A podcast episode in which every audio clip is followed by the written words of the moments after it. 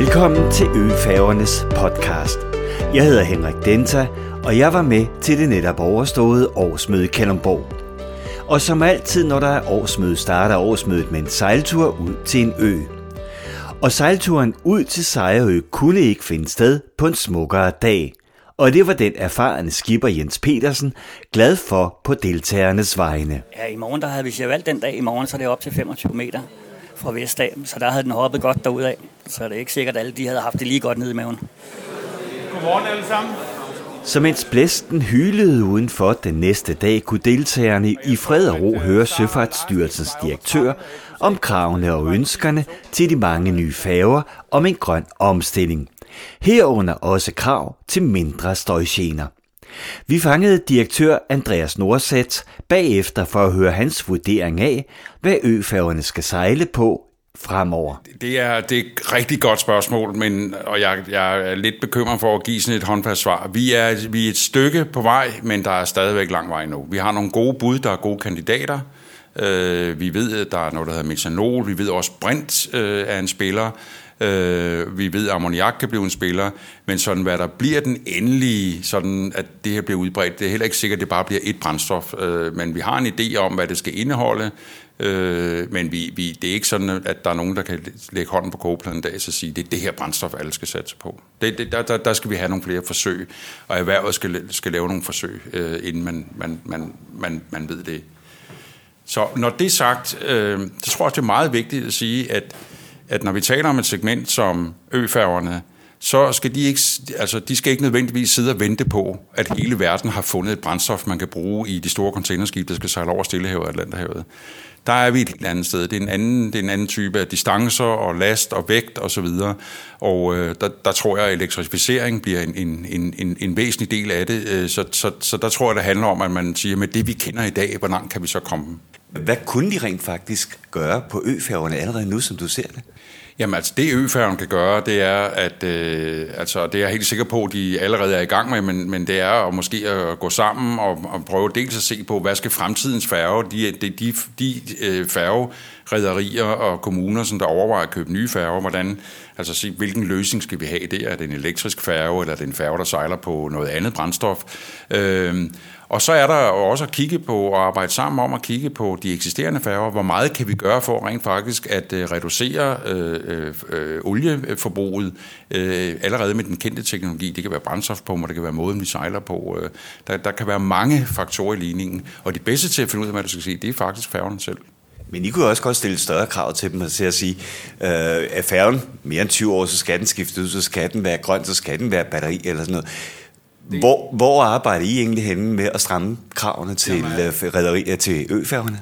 Det er jo netop det, og det er jo også derfor, der er et klart signal fra erhvervet, som du siger, der er kommet, og det er jo det, er jo det øh, som, som, som der så overvejes nu. Jamen, hvad skal, man kan sige, hvad skal regeringsmålsætning være, og dermed Danmarks målsætning være? Og så arbejdes der jo intens på, at man i FN's søfartsorganisation, IMO, bliver enige om, hvad skal kravet være til skibsfarten fremadrettet? Og der har vi jo fra dansk side sammen med vores kollegaer, i, øh, i specielt i EU, øh, men også andre, USA og andre, er kommet med på, på, på, på vores side, altså har arbejdet for at stille øh, store krav om væsentlig reduktion af klimaaftrykket.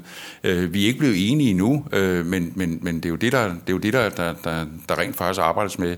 Og der skal man huske, at når vi taler skibsfart, så, så er det ikke nok, at vi sidder i Danmark eller i Europa og laver regler. Altså vi er nødt til at se på, at vi er en del af et større hele, og vi skal også sørge for, at, at, at for at skibsfarten de facto reducerer, så, det ikke, så, så, skal, så skal reglerne gælde overalt, fordi skibene sejler på alle mulige flag og overalt i verden. Ja, det øge øfærgerne jo ikke nødvendigvis, så der kunne man jo godt starte med at sælge øh, skærpede krav til dem.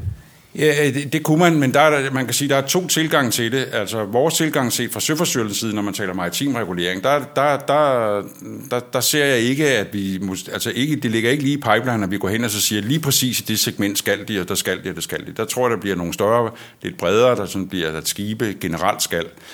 Hvad man så gør, øh, det er jo en trafikpolitisk dagsorden, altså hvordan vil vi have vores, øh, vores øh, transportinfrastruktur, hvilke klimaaftryk skal det have, sådan, og, og, og, og det er dem, der arbejder med transportpolitik, altså, som, som kan tage det ind. Men jeg tror, uanset det, så synes jeg, at det er vigtigt at så huske også, at der er en god business case i, i, i at reducere klimaaftrykket, fordi det betyder, at du forbrænder mindre energi.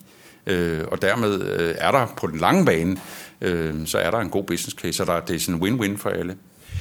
Nu hørte jeg dig så til gengæld også sige derinde, det her det handler ikke kun om klima, det handler om bæredygtighed, det handler om støj, det handler om ikke at forstyrre valer med støj fra skruerne. Som du ser det i dag, hvad, hvad er det for krav, der rent faktisk øh, følger ud over i rent brændstof? Det er jo mit bud på, hvad kommer der i pipeline. Ikke? Så, som ligesom vi nu sidder og skal lægge arm og finde ud af, hvad skal de internationale krav være omkring udledning af CO2, så er jeg ret overbevist om, at vi får også diskussioner om, hvad med det øvrige aftryk? Hvor meget støj må der være fra propeller i fremtiden? Hvor mange vibrationer må skroget give? Skal du for eksempel bruge landstrøm? De ting tror jeg kommer i spil fremadrettet, hvor man begynder at regulere på nogle ting, som vi aldrig har reguleret på før.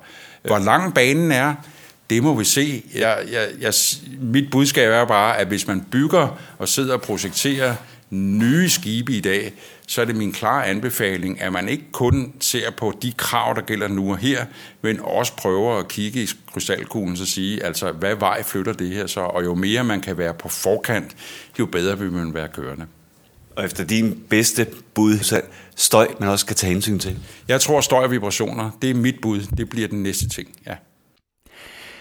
Lige nu kan der faktisk søges penge til en grøn omstilling, og ifølge færgesekretariatets formand Michel van der Linden, så skal der arbejdes både hårdt og hurtigt nu, mens vinduet står åbent. Som, øh, som jeg sagde der, så er der et øh, vindue, der står pivåben i øjeblikket til for kommunerne at byde ind med øh, nye færgeprojekter, fordi at der er sat 285 millioner af, så man kan få understøttelse til de øh, for, for midler øh, op til 25 procent til at lave sin nye færge, så lave sin nye anlæg øh, i forhold til, at øh, regeringen har sat penge af til den øh, grønne omstilling. Så hvad kommer til at stå øverst på dagsordenen? Det lyder som om, det skal have, I har meget travlt. Det er jo ikke bare sådan et afkrydsningsskema. Man skal jo faktisk have gjort sig ret mange overvejelser, og det skal man arbejde med. Og vejledningen har vi hørt i dag, den kommer 1. oktober, så der er jo reelt halvanden måned fra, at vi kender den endelige vejledning. Til gengæld så er det jo godt, at øh, færgesekretariatet og øh, KL og KOVI står til rådighed for at hjælpe den enkelte øh, rederi, enkelte kommune til at komme det her igennem. Men det er hårdt arbejde, og det var også nogle af deltagerne var bekymret for, at øh, de frister, de er, de er usandsynligt skarpe. Det virker nærmest som om, de er urealistiske, når man tager betragtning, hvor lang tid det tager designet og bygge en færge. Ja, og det, det, sådan er det jo meget ofte, fordi at øh, når det de lovgivninger, der er, eller de bud, de bliver lavet, så er vi jo afhængige af, hvad, skal jeg sige, hvad, hvad staten, regering bliver enige om af forlispartierne i det her tilfælde. Og øh, lige nu, der handler det ikke om at prøve sag, hvor hvad skal vi ikke huller der i osten. Skal vi skal jo reelt prøve sag på, at, øh, hvordan vi får skabt den rigtige ost, hvis man skulle bruge det billede øh, sige, i forhold til det her. Så ja, det er meget besværligt. Øh, det, tager, det er formentlig, øh, kvaliteten kan ikke blive lige så god, som nogen måske engang vil have, men, men, men, men øh, vinduet står åbent, det er nu. Men det lyder også som om, at der er lagt op til overarbejde.